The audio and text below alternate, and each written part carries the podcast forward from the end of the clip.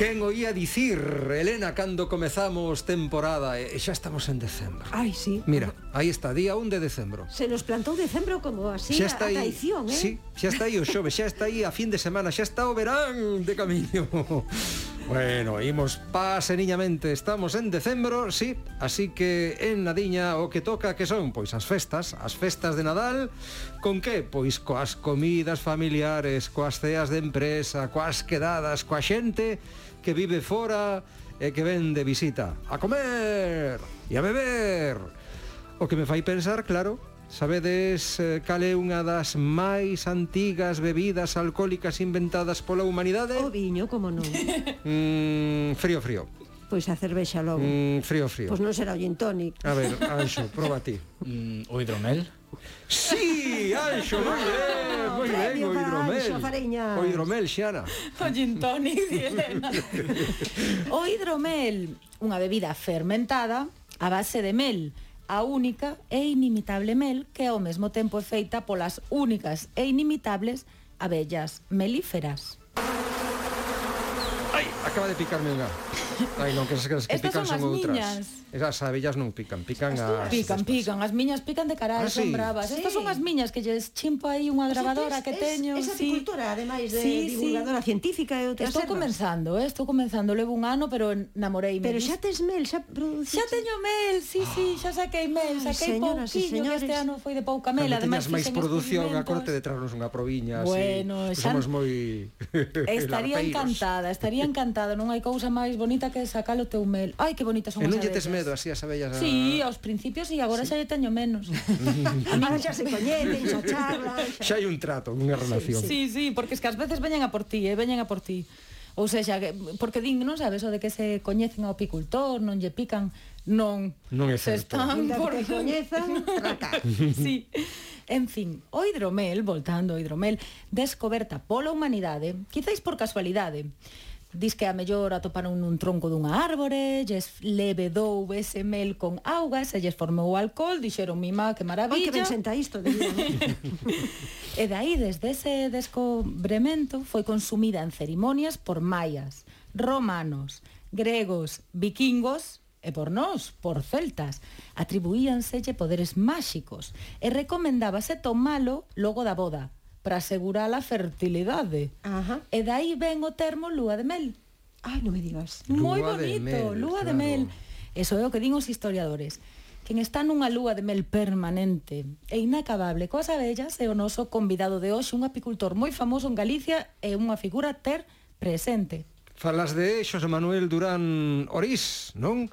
Eh, licenciado en Químicas, apicultor, Orís ou Orus? Orús. Orús. Orús, uh -huh. Orús que, que é licenciado en Químicas e Apicultor, divulgador do mundo das abellas e ademais formador en biopicultura.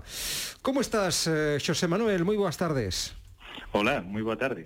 Cal é a importancia, dirías ti, das abellas para a natureza e a nosa alimentación? Bueno, nestes momentos as abellas, bueno, as abellas domésticas, non? as que cultivamos, pero de, hai máis de mil especies de abellas silvestres entre todas, teñen unha importancia eh, cada vez máis eh, para a polinización das plantas. E a polinización das plantas conleva a obtención de froitos. E a obtención de froitos conleva que teñamos ou non alimentación, non? Ese, digamos, o, o principal... Vamos, que son básicas, digamos, non? Claro. Para a vida. De esa depende, de esa depende a nosa alimentación, así é.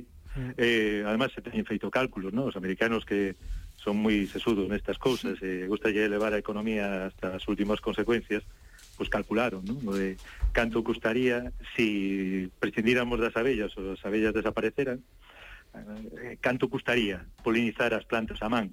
Entonces calculouse en miles de millóns de dólares, ¿no? A importancia e o valor económico que teñen as abellas, e cando falo de abellas falo en xeral, ainda que as abellas domésticas son un dos principales insectos polinizadores gracias a esa capacidade que teñen de comunicación, ¿no?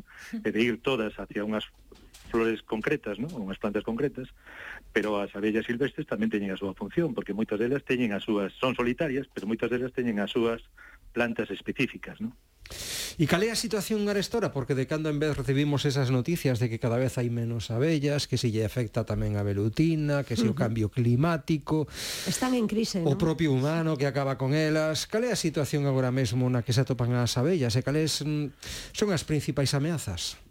Mira, bueno, a situación hoxe é bastante delicada. Hai, hai cousas que, bueno, non só coas abellas, eh, un montón co, coas producións agrarias en xeral tamén, están un pouco inmersas en este cambio climático que estamos a sufrir, ¿no? Pero no caso das abellas hai máis cousas, ¿no? Desde principios de século, eh, se introduciron os, os, bueno, os pesticidas sistémicos de última generación, os famosos neurotóxicos, ¿no? que, bueno, eh, moitas veces, eh, de forma inconsciente, utilizámoslos para matar as plagas de, das hortas e das plantas, pero que están causando un daño enorme na, nos insectos en xeral, e nas mm. abellas. Pero non están claro, prohibidos abellas, xa eses, eses eh, produtos? Bueno, están prohibidos de alguna maneira, están prohibidos, pero non nas sementes, por exemplo. Moitos deles se está regulando, pero hoxe mesmo vas a calquera agrobotica e verás na, moitos produtos que se están vendendo eh, teñen, eh, por exemplo, nun neurotóxico moi famoso dos primeiros que se empezaron a utilizar, o imidacoprid, ¿no? e verás que existe eh, como tal. Se regula, a, digamos, eh, sobre todo o tipo de uso e eh, a, eh, e do como se vai a utilizar, ¿no? por exemplo, na fumigación, pero non nas sementes. É mm. moi común pildorar as sementes, que é o que se chama pildorar, que é recubrir as sementes. Por eso moitas veces cando vamos a desmentar o millo se nos manchan as mans, ¿no? Eh, a xente xa, que xa, xa. se dedica a isto ou outras sementes, ¿no? Carais. Pero xunto con eso hai algo moito máis, por exemplo, os herbicidas. Se sabe que o glifosato é un dos principais eh, eh, digamos, venenos para as abellas ao contaminar as aguas. Eso sí que está demostrado científicamente, ¿no? Eh, pero hai un efecto que seguramente todos eh, notastes, sobre todo no brau, que se deu en chamar, apareceu na prensa e algúns anos, que se chamaba efecto parabrisas, que era, e sí. ahora vos dades conta, se, sei do que, que falas. era, claro, que ti vas paseando no brao e antes acabas o coche no brao e a nada, que anduveras uns cantos kilómetros tiñas o, o parabrisas cheo de impactos de pobres bichiños que quedaban ali E que eh, difícil era de sacar eso. Sí, bueno, pois pues agora senda, non eh. pasa, tes razón. Pois agora, eso, desde hai un tempo, desapareceu, non? Mm. Se sabe, e hai informes da, da OMS, de que a nivel global, eh, sobre todo nos países máis industrializados, están desaparecendo, non así nos países, digamos, con, digamos, con unha agricultura máis atrasada ou menos eh, modernizada pero sí nos países máis industrializados está descendendo o número de insectos. Que pasa? Que as abellas, como somos dos poucos insectos, e non é o único insecto cultivado, pois de onde se nota, pero é a punta do iceberg. Detrás hai eh, miles e miles de insectos que están sufrindo estos cambios, ¿no?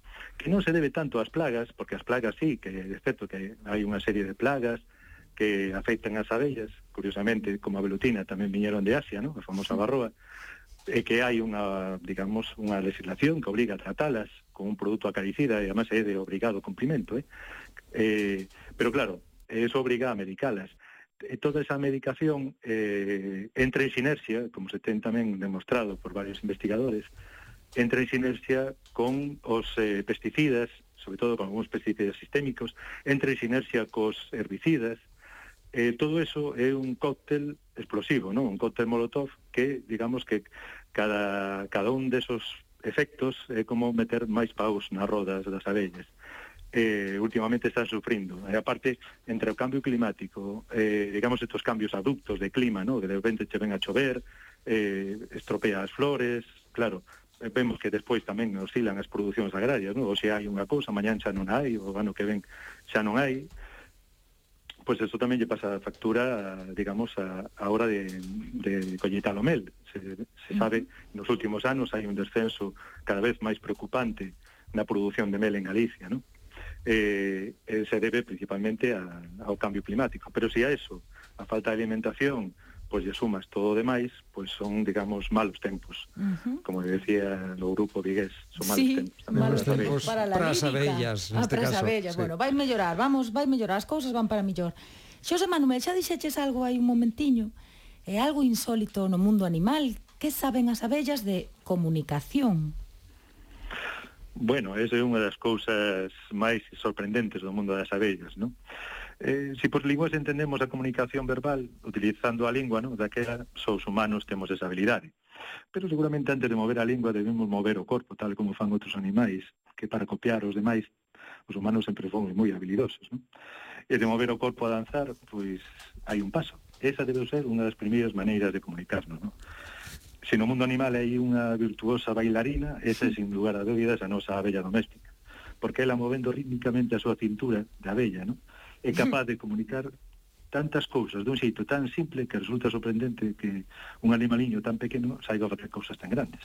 Fascinante. Por exemplo, claro, esa famosa danza, ¿no? a famosa danza do oito, diría algo así a unha compañeira a que bailara en unha historia da colmena. Diría, e, bueno, cando saia da colmena, toma a esquerda do sol, ou a dereita, e atoparás uns 247 obstáculos aproximadamente polo camiño, non? Árbores, postes, casas, penedos, tal. Despois Por aí non vayas, flores... diría, se fora galega. No, no, no, Por aí non. Cando comunica... No, no, no, sí. Polo outro bueno, lado, digo, non sabes o típico que facemos. Claro, no, o sea, pero curioso é que cando elas vibran, eh, se sabe, ao principio eh, estuvose indagando a ver como elas eran capaces, en base a que eran capaces de comunicar a esa distancia. Eh, últimamente, o que se sabe que comunican obstáculos. ¿no? a cantidad de obstáculos que te vas a topar polo camiño. ¿no? Si, por exemplo, se si é un prado, para unha mesma distancia, se si é un prado, vibran menos oh. que se si é unha distancia chea de, de obstáculos, de árbores, postes, casas, Entón diría algo así. Madre mm. mía. Sí, claro, no que parvos somos os demais, eh? cuidando coitando como son as abellas. Eh, pues sí, bueno, eh, elas van con ese con esa con, mm. por lo menos con esas eh, digamos, directrices, ¿no? Digo, sí, sí, vai sí, por ali e eh, busca tantos, eh, atoparás tantos tantos obstáculos, uh -huh. ¿no? máis ou menos, de forma así cualitativa. Xosé, ti levas a cabo un proxecto nas escolas chamado Maleta das Abellas, no que divulgas un pouco entre os cativos, non? A importancia dos insectos para a vida no planeta. Cuéntame un pouco máis de que vai isto. Pois mira, é visitar as escolas, de feito xa fixemos algunha experiencia e algunhas que xa andan programadas. O proxecto chamase Polinízame e Cómeme, Mm-hmm. buscando un poquinho eh, a idea que plantexábamos ao principio, non importa que teñas abellas para a polinización. entonces bueno, pois pues visitas as escolas cunha maleta chea de abellas, eh, e así, de xeito participativo, ¿no? para que todos eles saiban un pouco cal é ese efecto, como as abellas fan para polinizar, pois lle demostras eh, eso, eh, como fan as abellas para polinizar, como van de flor en flor, eh, como gracias a eso, pois consigues que haxe afroitos, e desos froitos nos podamos alimentar. A importancia que teñen non só para, para o mundo rural, ¿no? tamén para que se garanticen esas producións agrarias, sino tamén eh, para a nosa alimentación e para outros animais silvestres que viven dos, dos, dos froitos silvestres. ¿no? Uh -huh. Bueno, tes ademais esa tenda ecolóxica en Santiago, a Cesta da Saúde, unha tenda moi doce, pois estás especializado en meles, así que seguro que nos podes axudar un pouco a entender que está pasando con este tema do mel chinés. Bueno, o tema do mel chinés é curioso, ¿no? porque ahora que sai, sai unha normativa que obrigaba, eh, loitose para que eso fora posible, para que, digamos, apareceran as etiquetas a país de procedencia dos meles, e resulta que, como digo o refrán, que en fixo a lei, fixo a trampa. Eh, claro, de repente desapareceu o mel, o mel chino dos, o mel chinés das estanterías, das etiquetas.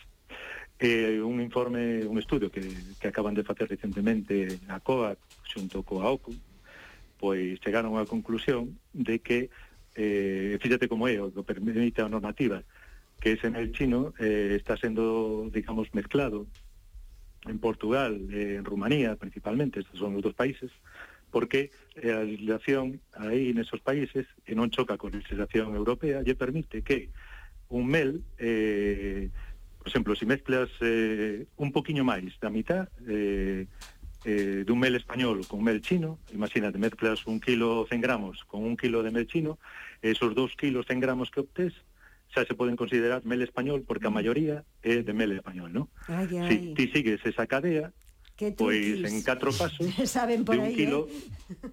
Sí, vai, vai por aí, porque de un kilo 100 gramos eh, de mel español eres capaz de conseguir 8 kilos 100 gramos de mel español, ¿no? Eh, solo mezclando tres, dando tres mezclas, ¿no? Entonces vai un kilo de mel español a Portugal e volven 8 kilos 100 gramos de Portugal. Xosé Manuel, pero o mel de Galicia estaría mm, libre destes problemas, non? Podemos confiar que cando compramos un mel feito en Galicia non tendemos a ter esta problemática, verdade? Podemos ir a pues mercar mira, tranquilos, non? Claro, no, é que agora é donde, donde se poñen, donde se dá a importancia que ten que ter as denominacións de hmm. orixe, sí. non? Na, na, digamos que si que coñeces o apicultor e telo aí lado e ves as abellas, pois é moi difícil que ese pequeno apicultor eh, cometa un fraude. Uh pero cando non está o apicultor diante, no? cando tes que enfrentarte, digamos, a, ou ten que falar a etiqueta por el, e cando as denominacións de orixen, pois garantizan a procedencia. Lamentablemente, hoxe, cando ves na etiqueta mel español e non ves a etiqueta da, da ICP mm. de Galicia, ou de outras ICPs que hai tamén no, no Estado, pois xa empezas a sospeitar, no? A veces, ahora mesmo estábamos falando desto, con, con máis consumidores, e eh, Eh, e claro, vesme el español e te acabas de enterar desta, digamos, deste truco que se está utilizando e que non é ilegal, tal como está a normativa hoxe en día, non é ilegal, pois claro, levas todas esas sospeitas. Pero afortunadamente, si, si non coñeces os apicultores, tens que fiarte da etiqueta, entonces aí é necesario cada vez máis que te fíes da, da, das denominacións de orixe, neste caso da ICPM de Galicia. Non, eh, non paras, eh? eh Xosé, estás en 20.000 historias. Eh, estás agora mesmo con algún proxecto entre máis para este Nadal en Portas? Sí, esto de ser así activo debe ser cousa de tomar mes, ¿no? Como non parece de catarros, ou polo menos os evitas, os espantas. Pero sí, mira, ahora temos un pequeno proxecto que se chama Abellas e Osos, ah. entonces, eh, con, de cara ao Nadal, pois era animar a, a facer un agasallo moi especial. Era, pois, adotar unha colmea, que non ten custo ningún, eh, A verdade é que eh, podes adotar unha colmea que se colocará nunha albariza, ademais unha albariza tradicional eh, moi ben recuperado e conservado do século XVIII que hai no, na Serra da Canda, en Sobra, eh, bueno, os rapaces poderían incluso facer un pequeno dibuixo que lle porén, poñerlle o nome a colmea, darlle un nome e facer un pequeno dibuixo que poríamos na entrada para axudalas a ir a orientarse, hmm. porque eso sí é importante tamén, ainda que elas teñen un sentido de orientación, pero bueno, a veces eh, confunden as colmeas, entran, e se van cargadas, entran nunha colmea ou entran noutra, non? E as abellas, se veñen cheas, non eh, impiden o paso pero bueno, para, para, para decoraros un poquinho, pois facer un pequeno dibuxo eh, nada máis, e poder Adopta ir a visitala sempre que quixeran. Eu adoptaría unha das de Xana Albor, porque acabo de saber que é a apicultora, e, e a verdade é que estou encantada, abraiada, sorprendida, pero pero moi contenta, moi contenta bueno. de, de que te metas nese mundo. Claro, moi boa apicultora, eh. É boa apicultora, en xeral hai bons apicultores do en Galicia, sí. Pois sí, a verdade é que hai xente con moito cariño hacia as abellas. Etcétera, sí. Sí, no, o medio permite, eh, sobre todo con esta idea que tiñamos da importancia que teñen as abellas para a organización, todo que en Galicia, pero tamén no norte da península, eh, moi común os pequenos apicultores, ¿no? Pequenas, pequenos apicultores de poucas colmeas, pero repartidos por toda a xeografía. Eso é o que realmente fai esa labor tan importante e polinizadora, ¿no? Mm. Ese, e, e sobre todo porque temos xeito, eh, digamos, somos amantes da natureza, eh, quen se dedica ao mundo das abellas, bueno, nadie por carto se dedicaría a un bicho que pica, sí, por afición, ¿no? O sea que ten que ter algo máis. A veces tamén o, o que se pique tamén engancha. Eh, non sei se queda adición, pero bueno. A verdad Entonces... que estamos enganchados bueno, todos. enganchada. Bueno, Xosé Manuel, temos que ir rematando, pero antes Qué de rematar... Aprend... Canto aprendimos, eh, Sí, pero ainda non rematamos, Elena. Ainda non, non rematamos, non. Eh, Xosé, eh, Silvia, tapade os oídos agora, tapade, tapade. Venga. Eh, Xosé Manuel, que saben as abellas de sexo? preguntas, que preguntas sobre A repasada agora vende volta e medio. Sí, bueno, é verdade, é verdade. Non poñemos rombos entón. Por rombos. A ver, no, bueno, preguntas sí. polo sexo das abellas. Bueno. Porque tocaba. Estamos bueno, en horas. no fondo, no que estuvemos falando, pois pues, ten razón, porque si por sexo entendemos o intercambio xenético, eh, realmente as abellas sí que, bueno, son auténticas especialistas nesto, ¿no? porque elas son os que levan o polen dunhas flores a outros. Pero curiosamente esta labor fano as eh, abellas femias, ¿no? Uh -huh. Tanto as abellas silvestres como as abellas domésticas, as que realmente traballan e pecorean, son as femias, son as, as mulleres. E os machos pois, pues, se dedican ao que teñen que dedicarse. E para eso tamén acaban como acaban, ¿no? Pero pero é curioso porque hai, unha, hai algunhas plantas, pero en concreto hai unha orquídea que se dá aquí tamén en Galicia, uh que atrae solo os machos. Uh -huh. Entonces, coa idea, bueno, e con uns cheiros moi especiais e con unhas cores moi especiais, faise pasar por abella femia. En este caso é unha abella silvestre. Eh? Entón, bueno, o macho vai ali pensando que vai a ter outra cousa, e se atopa con que, bueno, pois non hai nada. Pero a planta aproveita esa situación que o home está ali, o pobre home está ali traballando, elle eh, lle pega uns, eh, digamos, unhas partes da flor, os estambres, uns polinios que se chaman, ellos pegan na, na, na cabeza, no, en, no medio medio das antenas. Eh, se si somos observadores, a mellor se Ana en algún momento o ve, porque máis uns abelleiros o temos visto, e chama atención, dille, pero esta bella que lle pasou, que ten aquí uns cornillos. Pois son os polinios de, das orquídeas, tamén hai os espantes, pero as orquídeas son unhas auténticas embaucadoras do, eh, seductoras ¿no? dos animais para este tipo de labor, ¿no? para que fagan esa función que elas non poden facer, porque as plantas non poden correr, botar a correr eh, e xuntarse con outra planta, ¿no? teñen que utilizar pois, pues, outras estrategias eh, para polinizar, para fecundarse entonces utilizan os insectos. Entonces, bueno, esta bella macho que vai ali toda afanada a, a pensando que vai a topar a outro premio e o que eh, pon as banderillas aí, ¿no? E incrustra os polinios. E despois, cando esta planta, cando esta bella vai a outra flor, coa mesma intención, pois vai cos estambres e a poliniza, non? Mm. E ademais é curioso porque utiliza solo este tipo de, de abella, de abella silvestre para esta función, non engaña a calquera outra, porque además desas, desas propias flores, eh, temos un blog onde subimos, esas propias flores hasta teñen cara de vacilona, ¿no? Parece que están vacilando, xa se sonríen aí con unha sonrisa maliciosa. Non ven aquí que chegou a poñer Andar, pois imos poñer música, eh? música que o que compre neste remate de conversa con Xosé Manuel Durán Orús. Nunca sabré como tu alma ha encendido mi noche. Nunca sabré milagro de amor que ha nacido por ti. Nunca sabré por qué siento tu en mis venas. Nunca sabré en qué viento llegó. Pois así, con esta lúa de mel Chegamos ao remate da conversa con Xosé Manuel Durán Orús Licenciado en Químicas, apicultor, divulgador do mundo das abellas Como ben poidestes comprobar esta tarde. Xosé Manuel, que vaya todo extraordinario E falamos en calquera outra oportunidade. Moitas grazas. Nada, gracias a vos, que vaya todo ben. Ata logo, Xosé. Siempre unidos por siempre Mi corazón con tu amor. Que te parece a forma de rematar, Xiana Albor, eh? Moi Retóricos. Bonito, moi bonitos boleros que lembran tantos a vos. A miña sí, boa, como lle sí. gustaban os boleros. Que doce toda esta música. Non empalagosa, doce. Moi rica, rica, rica. Azúcar. Como ¿Eh? Nunca sabré qué misterio nos trae Bueno, pois ata aquí este tempo de conversa, este tempo de colaboración con Xiana Albor e agora pois toca outros cometidos, outras finalidades. La luna brilla en tus ojos y con mi desvelo besa tu suelo, reza en tu cielo, late en tu cielo.